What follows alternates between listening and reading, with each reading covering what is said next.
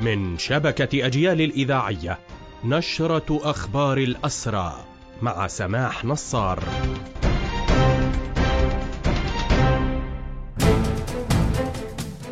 أهلا ومرحبا بكم إلى هذا اللقاء. معطيات تعترف بها صحافة الاحتلال تشير إلى استشهاد معتقلين من غزة في معسكر لجيش الاحتلال يطلق عليه سيدات مان هذا ما أشارت له هيئة شؤون الأسرى والمحررين ما دعاها لتوجيه نداء عاجل للمؤسسات الدولية للكشف عن مصير معتقلي غزة ووقف جريمة الإخفاء القسري كانت صحيفة هآرتس العبرية نشرت اليوم معطيات تشير تشير إلى استشهاد عدد من معتقلي غزة في ذلك المعسكر في منطقة بئر السبع بعد السابع من أكتوبر الماضي ودون معرفة أعدادهم بشكل دقيق أو ظروف استشهادهم.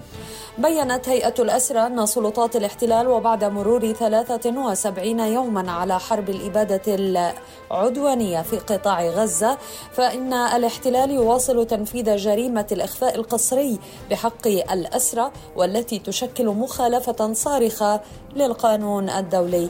إن إصرار الاحتلال على عدم الإفصاح عن مصيرهم وإخفائهم قسرا يحمل تفسيرا واحدا هو أن هناك قرارا بالاستفراد بهم كما تقول هيئة شؤون الأسرى والمحررين. وفي أخبار هذه النشرة أيضا حملات الاعتقال اليومية طالت حتى صباح اليوم الاثنين 35 مواطنا على الأقل من الضفة بينهم سيدتان وفتاة.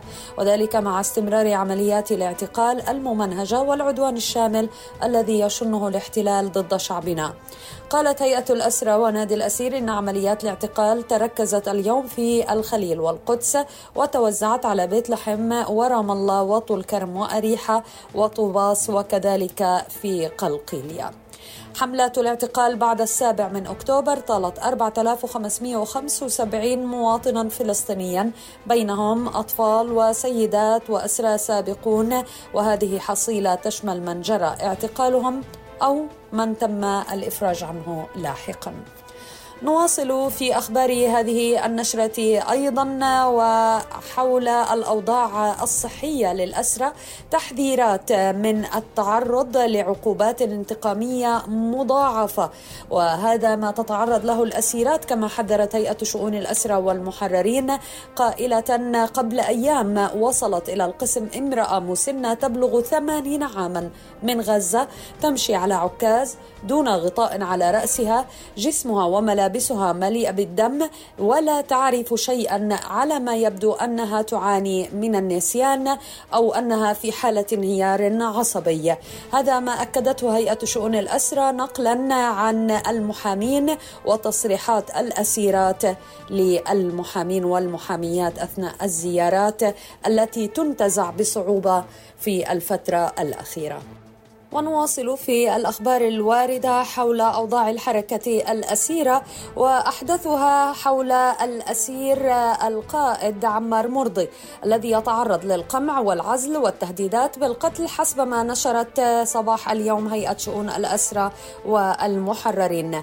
قالت الهيئة إن الأسير عمار مرضي يتعرض للقمع في سجن مجده وذلك بعد سلسلة عمليات من التنقيل وك وكذلك الضرب الذي تعرض له الأسير وهو أصبح يعاني من أوجاع شديدة في كافة أنحاء جسده وردود وانتفاخات والتهابات في يده مع منعه من القدرة على تحريك ما منعه من القدرة على تحريكها لأكثر من 12 يوما.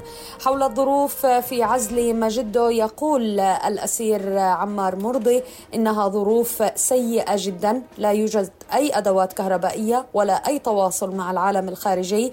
لا يوجد زيارات للأهل ولا زيارات للمحامين فهي شبه ممنوعة. علما أن الأسرى بحاجة لأكثر من أي وقت مضى لهذه الزيارات. كما أنه لا يوجد كانتين ويتم قطع الكهرباء طيلة اليوم باستثناء أربع ساعات متفرقة والبرد قارس والأكل سيء. بهذا تنتهي هذه النشرة. قدمناها لحضراتكم من راديو أجيال. تحية الحرية لأسرى الحرية وتحياتي سمح نصار والمجد والخلود لشهدائنا الأبرار.